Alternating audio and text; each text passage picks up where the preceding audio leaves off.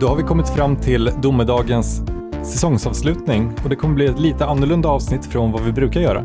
Precis. Vi kommer bara maxa så mycket domedagar vi får plats med. Nej, det kommer vi inte. Det kommer vara fem olika, de liksom mest spännande som vi hittat och eh, verkligen vill ha med innan säsongen tar slut.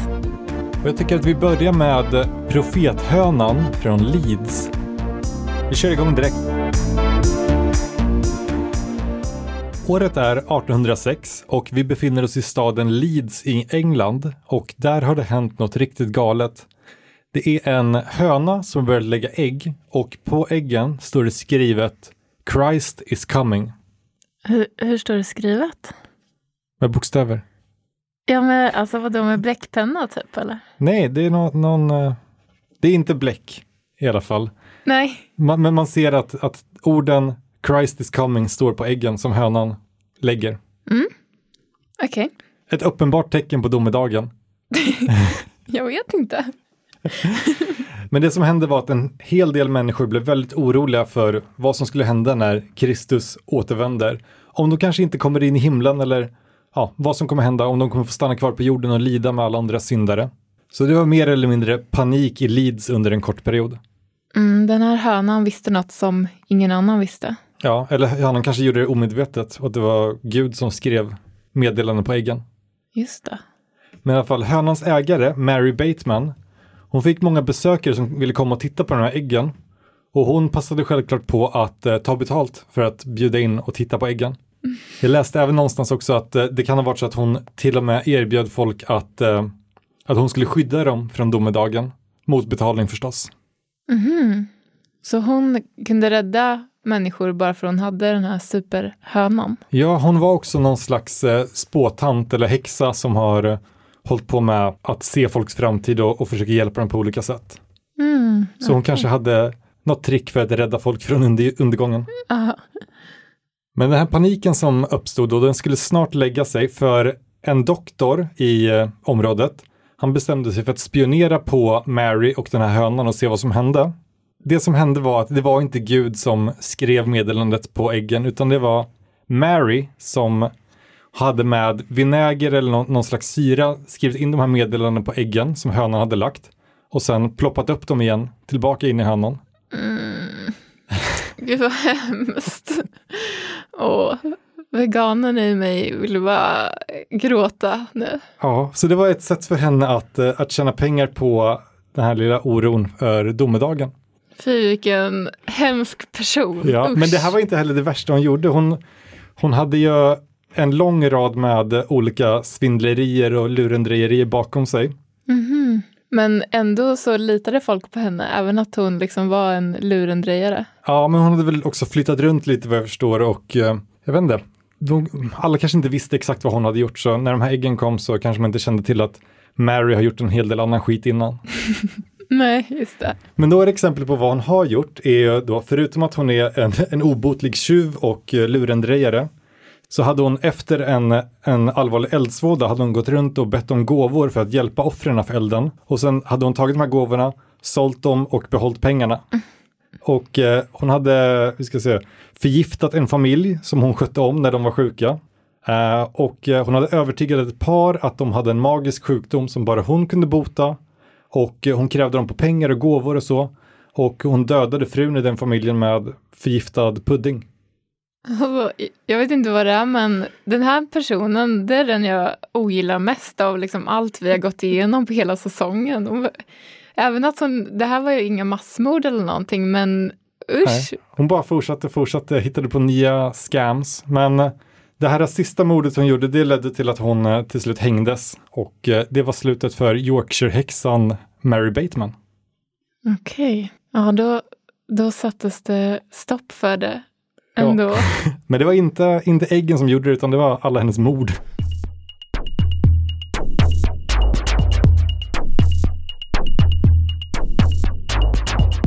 Nu ska vi till Ryssland och byn Nikolske. För där var det så att plötsligt, år 2007 i november, så försvann det runt 30 invånare bara out of Spårlöst nowhere. eller?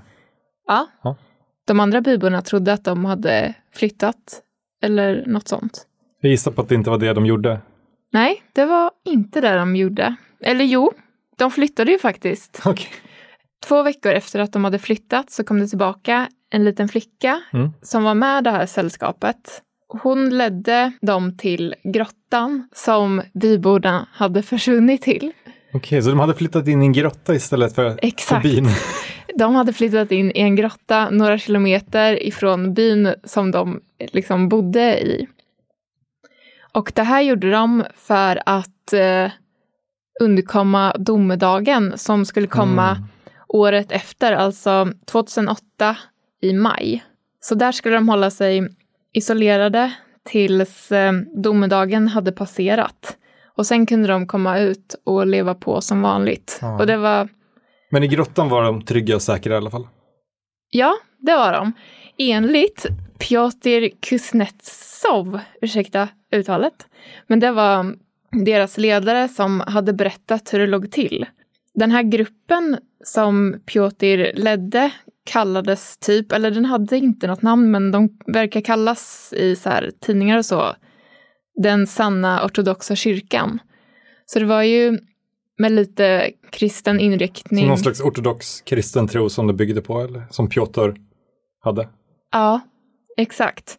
De här medlemmarna hade under 18 månader ungefär följt den här eh, ledaren. Piotr, han var en frånskild ingenjör, för genast tankarna tillbaka till Harold Camping. Ja, det är någonting med ingenjörerna. Ja, det verkar som det. De är livsfarliga. Han hade i alla fall skilt sig och eh, under 18 månader rest runt i Ryssland för att sedan bosätta sig i Nikolskij. Nikolskij. Det är inte lätt med ryska. Nej, jag vet. Åh, jag kämpar. Piotr hade kommit till byn bara 18 månader innan det här hände, den här flytten ner till grottan Mm. alltså. Okej, så då borde han varit ganska populär ändå om han fick med sig de här människorna efter att bara bott där i ett och ett halvt år. Ja, det var ju inte supermånga, men det var ju alltså ändå ett gäng Ja, som flyttade ner. Det är fler än vad jag skulle kunna få med mig att flytta in i en grotta, Ja, kände jag på mig. jag hade inte fått med mig en enda person. Verkligen inte. Det måste ha varit otroligt eh, eh, övertygande. Ehm, när han kom till byn så hände, skedde det en förändring hos invånarna. De började leva utan elektricitet och tv och sådär. Liksom en väldigt enkel livsstil. Mm. Och de möttes i en typ lagerliknande, ganska skruttig lokal där de hade sina möten och sådär. Men nu hade de alltså flyttat ner i grottan för att invänta domedagen. Piotr har sagt till Russia Today att enligt våra beräkningar kommer djävulen att kastas i elden under våren 2008. Detta är enligt Bibeln. Därefter kommer det inte finnas några frestelser. Okay. Nu tänker jag igen på Harold Camping. Att han har läst Bibeln och gjort beräkningar och hittat ett datum. Ja, alltså jag tänkte inte på det när jag liksom gjorde research, men det, eh, det, det finns en del paralleller att dra här emellan ändå. Polisen spärrade ganska snabbt av området runt den här grottan där de hade gömt sig för att de var rädda för att fler skulle ansluta sig. Så Aha. de såg det här som en, alltså, Det fanns en risk att det var fler som skulle tycka att eh, den här grottidén är bra. ja, Men de, det var de här första som hade flyttat in där, de bodde kvar i grottan när polisen gjorde avspärrningen eller? Exakt. Ah, okej. De eh, vägrade komma ut. Och ingen fick heller komma in eller så, utan de hade spärrat igen grottan för att vänta in domedagen. Och det är intressant är också att deras ledare följde inte med i grottan, utan han blev inspärrad ganska snart efter att det här upptäcktes. Aha, så han flyttade inte in tillsammans med andra, han var fortfarande ute när, Ja. när flytten skedde. Ja, och eh, han lades in på psyket, för tydligen så var han eh, schizofren. Mm. Så det fanns eh, lite psykisk ohälsa med i bilden, vilket känns ganska rimligt. Ja, det är ingen jätteöverraskning. Nej, det är ju inte det. Och det har kommit fram att eh, under de liksom, månaderna innan den här grottflytten så hade ledaren legat och sovit i en kista. Så det var, det var mycket som var lite märkligt och Ja. underligt med den här personen. Men Piotr har gjort ett uttalande om den här grottan. Mm. Han säger att den grottan är 50 meter lång, men det finns tillräckligt med plats. Det finns en dusch, toalett och tillräckligt med mat för att klara sig i två år. Okej, så, Så- de var förberedda ändå? Ja, det var de. Det var några av typ the elders, eller vad man säger, Ja. i eh, den här församlingen som några dagar innan hade börjat lägga in mat och, och allt som man kan behöva för att klara sig. Så de var förberedda på det här. Inte så långt efter att de flyttade in i grottan så intervjuade The Guardian chefsåklagare Alvetina Volkova. Och hon säger så här. Jag pratade med dem förra torsdagen och det var jättekallt utomhus. Men de sa att de var okej och att temperaturen i grottan var 17 grader. De hade tänt ljus och paraffinlampor. Jag frågade om jag kunde komma in och kolla, men de släppte inte in mig. Man försöker förhandla med sekten genom ventilationen till grottan, men de hotar med att spränga sig själva i luften om någon kommer in. Till slut lyckas man i alla fall få myndigheterna att övertala några av kvinnorna att lämna grottan och det var på grund av att det fanns rasrisk och så i och med att på våren smälter det och då Mm. kan det rasa in i grottan. Så då kom några ut, vilket ju var jättebra. Men grottan rasade faktiskt in sen. Ja, jag vet. Och det fick ytterligare en stor del av sekten att eh, lämna. Men var det någon som, eh, som dog i raset eller? Ja, det var ju det. Ehm, Man fick höra av de som lämnade att det var två kvinnor som hade dött, men de var Mm. begravna i grottan. Och det är inte så jättebra när man liksom är instängd och så har begravt lik och sen börjar det lukta och Nej. sådär. Det kan vara ganska giftigt tydligen. Ja, det låter ju jätteäckligt. Ja, och nu var det bara nio, cirka nio medlemmar kvar i grottan och till slut så var det stanken och gaserna ifrån de här liken som fick de sista att komma upp. Så det luktade så illa att det var eh, ändå värt att gå ut i, i domedagen. ja, det var det. Det måste varit en helt otrolig stank. Nej, fy fan. Men vet du om, var det så att den här grottan var, att det var något speciellt med den? Eller hade det räckt, liksom enligt hans beräkningar, att gömma sig i vilken grotta som helst? Eller? Alltså jag vet faktiskt inte om det var något speciellt. Jag tror inte det. Nej. Vem vet? Det, det kanske var en magisk grotta, men eh, ja, de skulle i alla fall vara instängda där och överleva. Ja. Det, det var nog kanske inte en logisk förklaring eftersom att en grotta kanske inte kan skydda en om hela världen går under. Nej, det låter ju också jättekonstigt att, att eh, allting dör förutom de i grottan. Men Mm. ja, jag vet inte. Vem vet hur, hur domedagen kommer se ut? Ja, vem vet?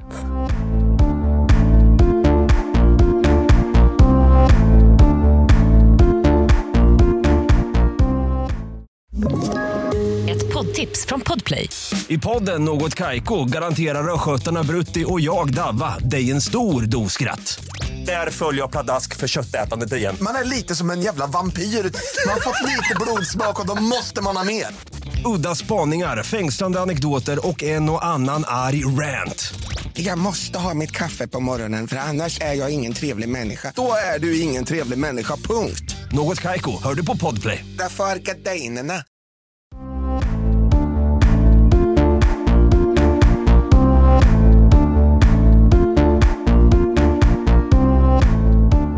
Nu ska vi prata om lite kometer, eller eh, en specifik komet. Halleys komet. Oh. Och det är en komet som är döpt efter den engelska astronomen Edmund Halley. Och han var den första som räknade ut att den här kometen, som man har sett flera gånger, var en och samma, som återkom med jämna mellanrum och hade en omloppstid på 76 år. Så med ungefär 76 års mellanrum så kommer den här kometen att passera jorden, åker iväg igen och kommer tillbaka om ytterligare 76 år. Bra observerat ändå med tanke på att en människa lever kanske runt 90-80 år. Ja, det var, det var bra gjort av honom. Så därför fick han äran att döpa kometen. Eller jag tror att den döptes efter honom i efterhand av sina efterlevande.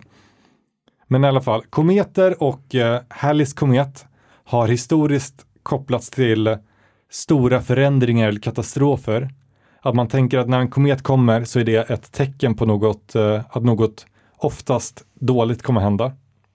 Så lite vidskepligt. Ja, men precis. liksom. Så några exempel som jag hittat är då till exempel att eh, man trodde att den här kometen inspirerade Genghis khan att invadera Europa och att det var ett tecken på att sultan Zain al-Abidin skulle liksom falla under 1400-talet. Eh, och Osmanska rikets invasion av kungariket Ungern tänkte man också att den här kometen var, var ett tecken på. Den låter olycksbådande. Visst Nej, det? fast typ... Eller? Är det bra?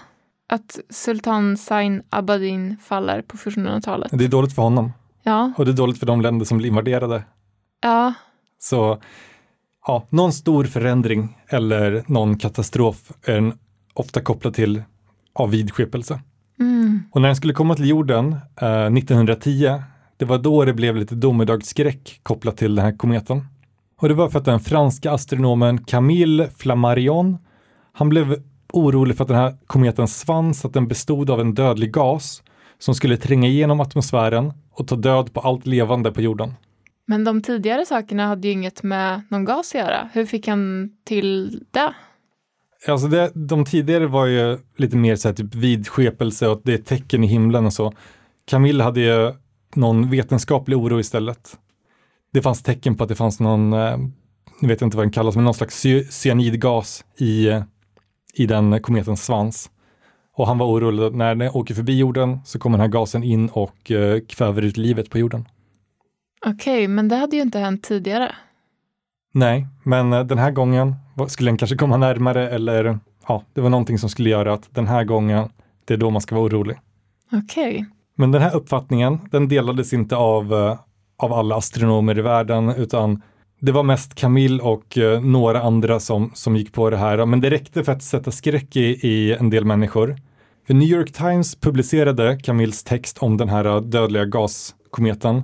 Och sen var liksom bollen i rullning och det började spridas och, och det, ja, det blev en sån vandringssägen att den här kometen kommer att ta koll på oss. Som det har varit med många tidigare domedagsscenarier, att det bara handlar om ett rykte eller Ja, liksom, och det räcker med att, eh, att någon säger att något hemskt kommer hända och sen, sprids sen det. sprids det. Och sen är det ingen majoritet som tror på det, men det är ändå, det blir ju många som tror på det om det är några galningar lite överallt. Mm. Så sen när dagen kom och kometen skulle synas från jorden, så många var ute och, och firade och festade eller var ute för att titta och hoppas att man får en, en skymt av kometen. Men eh, de här som hade gått på att, eh, att de skulle gasas ihjäl, de eh, låste in sig i sina hem eller i kyrkor och sånt. Och förhoppningen var då att man skulle kunna skydda sig i sitt hus genom att täcka för alla, alla platser där luft kan komma in. Så man stoppade igen nyckelhål och täckte igen fönster, täckte igen eh, dörrar, alla öppningar där det fanns. Så man tänkte att man skulle kunna sitta hemma och eh, vänta tills, eh, tills gasen lättade och man kunde gå ut igen. Ja, det låter livsfarligt. Mm. Men det är kanske en naiv tanke att tänka att eh, om man stoppar, stoppar en bit ludd i nyckelhålet, att man ska klara sig från, från gas som täcker jorden. Ja, om den stannar kvar så, så kommer man ju få den på sig. Ja, och om det är så att man är ett helt lufttätt hus, då kommer man ju ändå ta slut på allt syre som finns där inne. Mm. Men som vi har märkt av eh, tidigare avsnitt, där det finns en domedag så finns det pengar att tjäna. För det fanns de som eh, sålde till exempel kometpiller och det var egentligen ett sockerpiller, men eh, det skulle kunna skydda dig mot allt kometrelaterat och jag vet inte, kanske neutralisera gasen så att du inte tar skada av den när du andas in den. Trodde folk på det eller? Det måste de ha gjort, eller folk och folk, några måste ha trott på det för det är någonting som såldes och eh, folk måste ha köpt det då. Annars skulle man inte sälja det tänker jag. När man tror på det kanske man bara, jag måste, jag gör vad som helst. Ja, Om det finns ett piller, jag tar det. men det är verkligen så desperation som, som leder folk till att ta dåliga beslut och till exempel ge bort sina pengar till en sektledare eller köpa kometpiller. Ja, är man rädd så är man ju rädd. Ja. Då vill man bara hitta vägar till att Om valet, är Överleva. mellan, att- om valet är mellan att dö eller spendera lite pengar, då, då tar man ju det som, är, som inte leder till ens död. Mm, absolut. Men Halleys komet kom på besök till jorden, åkte härifrån och eh, ingen dog av det. Förutom kanske författaren Mark Twain som hade förutspått sin egen död i och med kometen. Vadå, dog han då? Ja, han, han, han dog eh, kort innan kometen kom. För det, det var så att han föddes 1835 och det var samma år som kometen var synlig från jorden då. Och han hade senare sagt att han kom till världen med Halleys komet och han förväntade sig att han kommer lämna världen med Halleys komet. Och det blev så också. Fast Ja. han åkte iväg lite för tidigt. Han fick en hjärtattack och dog 1910 och det var nästan precis på när eh, kometen var på väg till jorden. Han kanske blev så rädd så han fick en hjärtattack då. Kanske. Oh. Ja, så vi får se. Nästa gång kometen kommer så kommer det vara 2061 eller 62 någonstans. Så förhoppningsvis klarar vi oss alla den gången. Ja, för det, nu hände det ju inte någonting egentligen. Det hade ju hänt saker kopplat till kometen innan, även att det, ja, Det var inte beroende på kometen. nej det hade hänt ändå. precis. Men nu, den här gången var det mer bara en skräck som pågick. Ja, men eh, antagligen så är Halleys komet ingen domedagskomet. Nej, vi får hoppas.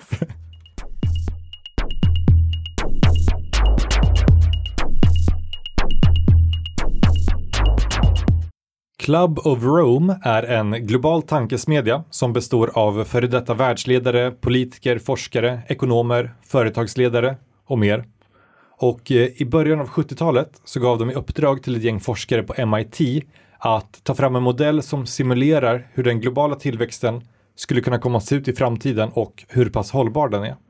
Okej, så att det är en grupp med smarta personer Precis. som har bildat en tankesmedja där de tänker ut bra saker. Och sen vill de ta reda på den, vart den globala tillväxten tar vägen i framtiden. Och då har de bett forskare. Ja, det är ett gäng forskare som jobbar med typ att samla in data och analysera det. Och då så tog de här forskarna fram den här modellen som de kallade World 3. Okej, Och det den modellen gjorde var då att den tittade på hur utvecklingen har sett ut sedan början av 1900-talet fram till 72 eller vad det var när det här gjordes. Och sen så baserat på det så försöker den beräkna ut hur det kommer se ut i framtiden fram till, eh, jag tror 2100. just det, för då tänker man att man kan se liksom om det är över en 70-årsperiod så kanske man kan se ett mönster ungefär hur det Ja, fortsätter. se, ja, precis, hur utvecklingen ser ut, om den kommer fortsätta stiga eller om den kommer avta eller så. Mm. Och resultatet som man kom fram till då var kanske oväntat skrämmande för dem då. Oj, För det den visar är i princip att ehm, vid, eller runt 2020, alltså i år, det är då det börjar gå ut för för mänskligheten och det är liksom början på slutet för vår civilisation. åh nej, det är ju i år. Japp, så hur den är uppbyggd i alla fall, man tittar på flertal olika faktorer. Så då har vi till exempel befolkning eh, och hur den ökar eller minskar. Det finns livskvalitet och det är alltså hur man bor, hur mycket pengar man har, hur väl man äter. Det är resurser, alltså olja, mineraler, vatten, allt sånt som vi behöver då för att underhålla det samhället som vi har. Och sen är det föroreningar, så avgaser från eh, till exempel industri eller bilar eller flygplan eller ja, samhället i stort. Ja. Men typ, kan man tänka att corona räknas in här? Eller typ att corona är ett tecken på att det stämmer faktiskt, det de här forskarna har tagit fram. Eh, de hade inte med liksom just pandemier i, som en, en ehm, del i sin uträkning, Nej. men däremot så kan ju liksom corona och många pandemier är ju lite orsakade av oss själva på grund av att vi expanderar, kommer i kontakt med djur som vi kanske inte varit i kontakt med innan och därför bildas de här ehm, virusen som, som slår väldigt hårt mot oss människor.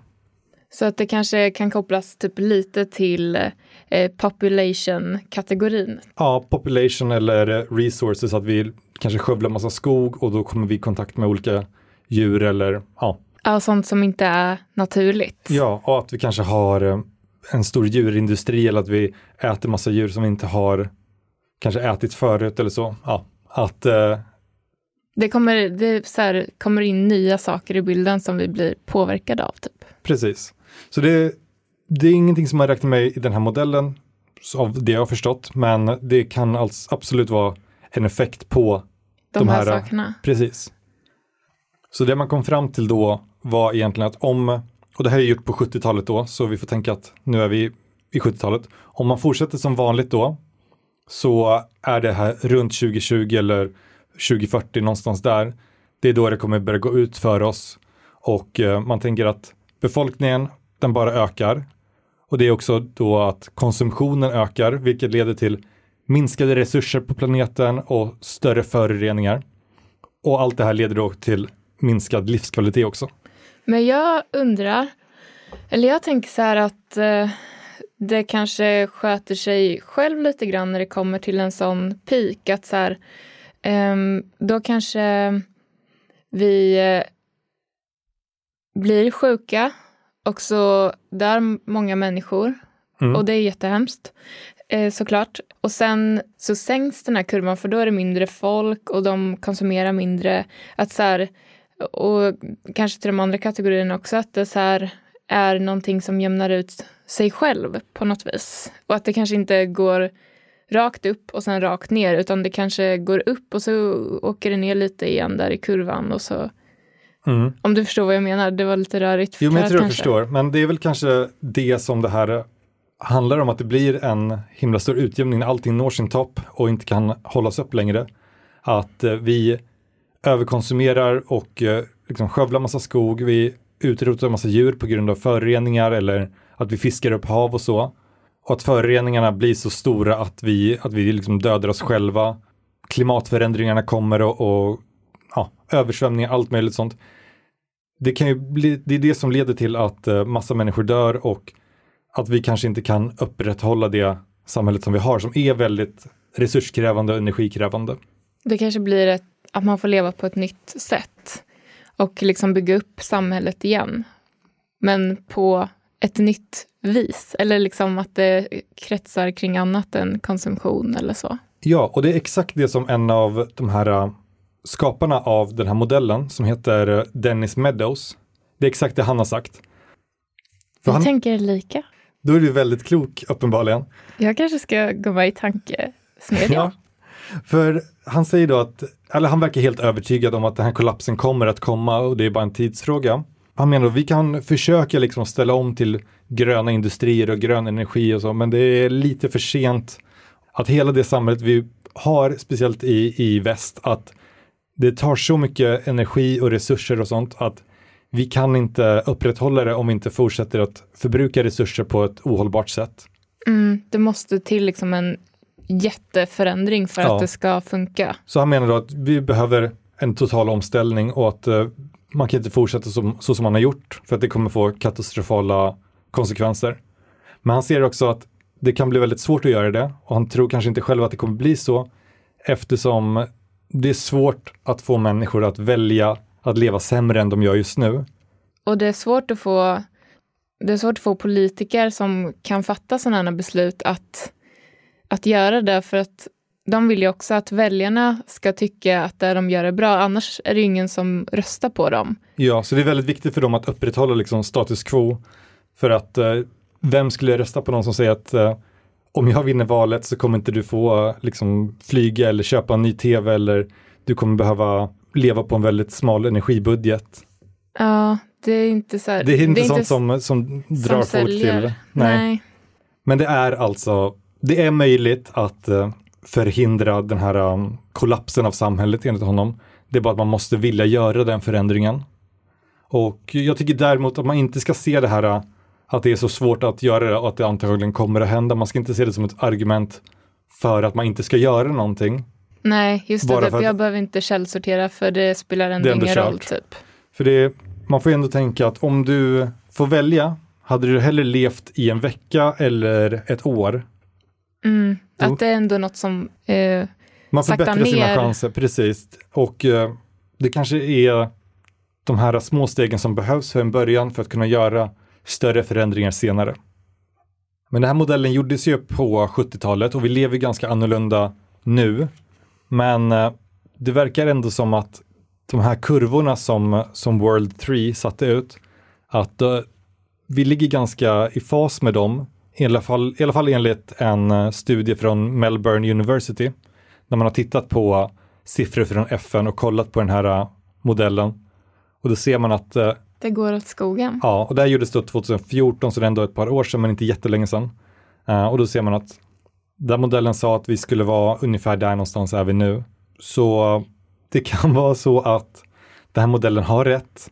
Det kan vara så att vi inte hinner göra de omställningarna vi behöver och då har vi något att se fram emot de närmsta 30-40 åren.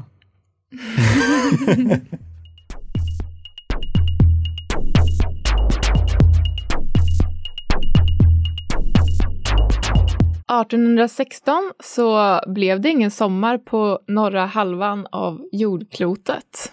Åh nej. Jag vet. Efter våren så blev det liksom inte varmare utan det blev kallare istället. Marken frös och det snöade mitt i det som borde vara sommarmånaderna. Och värst var det i Nordamerika och Europa. Grödorna kunde inte växa på grund av att det inte fanns något solljus. Eller för att de dödades av frosten. Eller att regnet var så kraftigt att grödorna drunknade. Okej, och det var typ mitt i så här, juli, augusti, juni. Ja, det var Så var det snö och eh, och kallt bara. kallt och Helt översvämmande mörkt. regn. Ja. Okej. Maten som fanns blev bara dyrare och det blev allt svårare att få mat till boskap och människor. Bönderna förlorade skördarna och höga priser på mat ledde till svält, stöld och upplopp. Okej, så ja, för att man inte kunde odla sin egen mat eller det kanske inte fanns så mycket på hyllorna i, hos handlaren så Mm. fick man ta till liksom att eh, plundra eller stjäla eller kanske liksom behöva med våld försvara sin egen mat. Ja, det blev liksom en dominoeffekt att det ena ledde till det andra när det inte finns, precis som du säger, Ja. när det inte finns mat och alltså man blir ju desperat till slut och eh, den här reptilhjärnan går väl igång. Det gäller bara att överleva Ja. typ. Man kan inte hitta mat till sina djur och då har man inte heller kanske boskap som kan hjälpa till i antingen så här typ gårdsarbete eller till slakt eller så. Mm. Ja, Okej, ja. Tufft. Ja, det är tufft. Men vad, vad, vad var det som gjorde att det inte blev någon sommar här? Det låter som att det inte är så vanligt, tycker jag. Det är inte så vanligt. Det de inte visste var att året innan så hade vulkanen Tambora i, den låg, eller den ligger i det som liksom är Indonesien idag. Mm. Den hade fått ett superutbrott som ledde till den här äh, kalla, mörka sommaren. Okej, så det, för ett utbrott på andra sidan jorden så fick eh, Europa och Amerika ingen sommar. Nej, precis. Det som hände var liksom att aska och gas la sig i atmosfären och blockerade solen. Året efter så fick världen känna av effekterna av det här också. Först var det väl de som bodde nära utbrottet som Ja, kände det, av det. Ehm, men ett år senare så, så märktes det över hela jordklotet då när solen blev blockerad. Ja, och då, ja, så det blev som ett täcke i atmosfären av, av typ aska och så, Mm. som, eh, Så som stoppar kunde... solstrålarna. Exakt. Mhm. Och då kan inget växa. Det blir jättekallt och ja, det ena leder Ja. till det andra. Ja, vi är verkligen beroende av, eh, av solljuset, eller speciellt då kan jag tänka mig också. Ja, det, alltså solen den finns ju bara. Det är inte något som man kanske tänker jättemycket på, men om den inte finns, vad händer då? Det är, så här, det är helt livsnödvändigt för att vi ska kunna överleva. Ja, som så här, bara modern människa så tänker man, eller jag tänker kanske min första reaktion på att en extra lång vinter kanske inte är så farligt, det är bara att det blir liksom kallt, men får man också tänka på att det inte kommer gå att äta som man har ätit eller det finns, finns kanske inte allt sånt som man förväntar sig ska Nej. fungera för att allting bara fryser till när man förväntar sig att det ska vara sommar. Ja, vi som bor liksom i stan i lägenheter kanske inte lider så mycket av kyla och sådär, men i mataffärerna så kommer vi ju märka av att det blir en, ett mindre utbud av mat eftersom att ingen Mm. mat kan produceras eller väldigt lite mat. Så att det beror kanske lite på vart man bor, hur man blir påverkad av det. Ja, men kanske samma sak som på 1800-talet också, att eh, när utbudet minskar så ökar priserna och det kommer ju påverka de som kanske har sämst ekonomiskt och då kommer det kanske påverka en stor del av även befolkningen i Sverige och det påverkar liksom deras arbete och ja, det blir kanske ändå liksom en samhällseffekt även fast vi har det väldigt bra här och inte känner oss helt beroende av att det ska vara varmt på sommaren. Nej, och eh, det här var ändå, det här utbrottet gav ändå en relativt mild effekt om man jämför med det som kallas supervulkaner. Och just nu finns det en, eller just nu, den, den har ju funnits där länge, Mm. men eh, en vulkan som heter Yellowstone. Och den eh, finns i den amerikanska nationalparken som också heter Yellowstone. Ja, Jag tycker supervulkan låter, låter läskigt. Det är läskigt. Det är som typ supercancer. Ja, det, det är lite som ett monster som ligger under ytan och så vet man inte när det ska komma fram. Ja. Och eh, den här Yellowstone, den har haft superutbrott tre gånger tidigare och senast var för 640 000 år sedan. Så det var ju väldigt länge sedan. Ja, skönt. Ja. och vi vet inte när den här vulkanen kan ha ett nytt utbrott. Alltså det kan hända eh, idag eller det kan hända om hundratusen år. Eh, det är liksom helt omöjligt att, att förutse det här. Eh, för Yellowstone, det sitter på en enorm, man kan säga en enorm underjordisk magmakammare som expanderar och sen bygger upp ett tryck. Och det man är orolig för är att trycket ska bli så stort så att Yellowstone exploderar i ett supervulkanutbrott. Och det som kan hända om den skulle få ett sånt här superutbrott är att flera hundra eller kanske tusentals kubikkilometer av sten, glas och eh, vulkanisk aska sprutar ut. Och det är inte superbra. Nej, det, det låter jättehemskt. Men det är i, eh, eh, i USA då. Mm. Kommer jag vara trygg hemma i Norrköping då? Om man tänker global effekt ehm, så blir det som det vi pratade om i eh, vulkanen i Ja, Indonesien. just det. att, eh, Vinter. ja, så vi påverkas men det är inte så att vi kommer liksom få eh, vulkanen över oss eller liksom att den sprider ut sig och täcker hela jorden. Men eh, det kan bli svårt att odla mat och fixa foder till boskap och ja men de här eh, Mm. vi kanske inte har mat i vår mataffär och eh, solen försvinner och det blir svinkallt på sommaren. Så mm, vi blir påverkade, absolut. Och en sån här vinter kan hålla i i flera år. Det är svårt att säga, det beror väl lite på storleken på utbrottet och så. Men ehm, ja, det, Ja, det kan kän- bli kallt under en längre period Känns och mörkt. Game of Thrones med flerårig vinter och eh, mörker och hemskheter. Ja, the winter is coming. Men om vi tänker vad som händer liksom, alltså närmast vulkanen då, då kan man säga att eh, ja, men de som bor där dör helt enkelt och djur, människor, byggnader krossas och det blir bara förstört liksom allting. Och om vi hoppar ett steg längre bort så blir det ett täcke av aska som lägger sig på marken och i luften och det är liksom över hela USA och kanske Kanada och Mexiko och sådär. Så att det blir ganska stor spridning på det. Mm.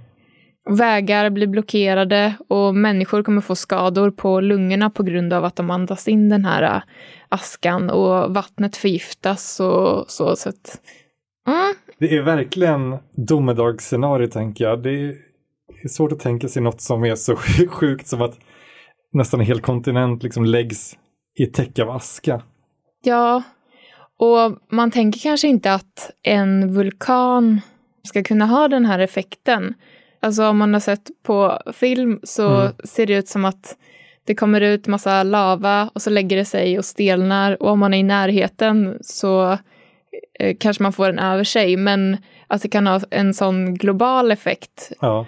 Och, um, Och att Liksom USA hindras- blir typ eh, Mordor med, Ja. med vulkanen och, och mörkt askland. mm. Och sen Men då- vinter i hela... Det här är ju ett vulkanutbrott utöver det vanliga. Liksom. Det är ju en, en supervulkan, det. så det är väldigt ovanligt. Mm. Och eh, förhoppningsvis kommer det inte hända på flera hundratusen år. Men ja, än så länge så är det inte så mycket vi kan göra åt det. Och vi vet heller inte hur vi skulle hantera det här. Vi kan ju inte bara stoppa igen hålet för, och så kommer det inte ut någon, Nej. någon lava. Nej, typ. om, om trycket blir så stort så att eh, liksom, jorden exploderar, då känns det som att det är svårt att, att täppa igen det. Mm. Och det går kanske inte att liksom, lätta på trycket lite grann utan att kanske råka lätta för mycket på trycket. Jag vet inte. Nej, det kan jag inte svara på. Nej, det, det låter livsfarligt att, att leka med en supervulkan. Ja, Uff. Men det påminner ganska mycket om eh, när vi pratade om, eh, om kärnvapen och den här atomvintern som kan uppstå vid ett eh, globalt kärnvapenkrig. Mm. Att det är samma sak där, liksom, istället för en vulkan så är det då brinnande städer som lägger ett asktäcke i atmosfären som, som, gör som det hindrar vinter. solen från att komma in, ja. Ja. Så en sån här supervulkan är kanske jämförbart med en superatombomb Mm. som vi inte har någon kontroll över. Och det är ingen som, ingen som sitter på den knappen som man kan göra något åt. Nej, det är bara naturen som, som vet.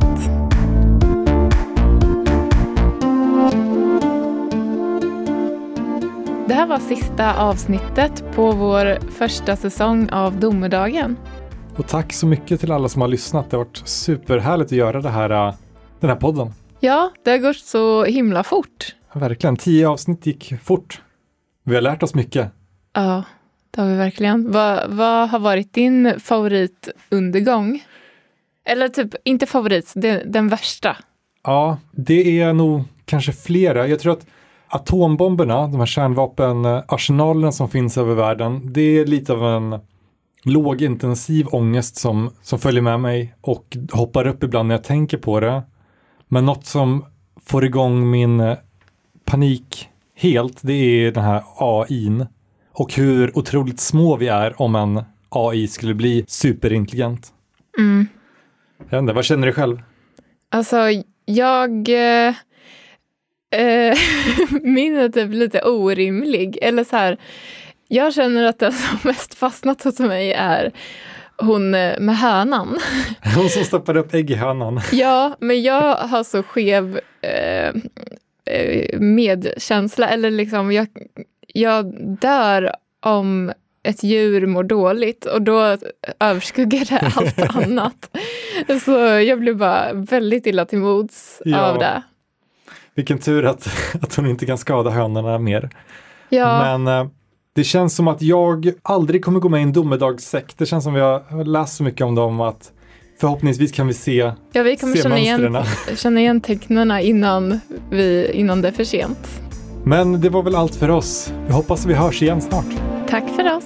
Hej då!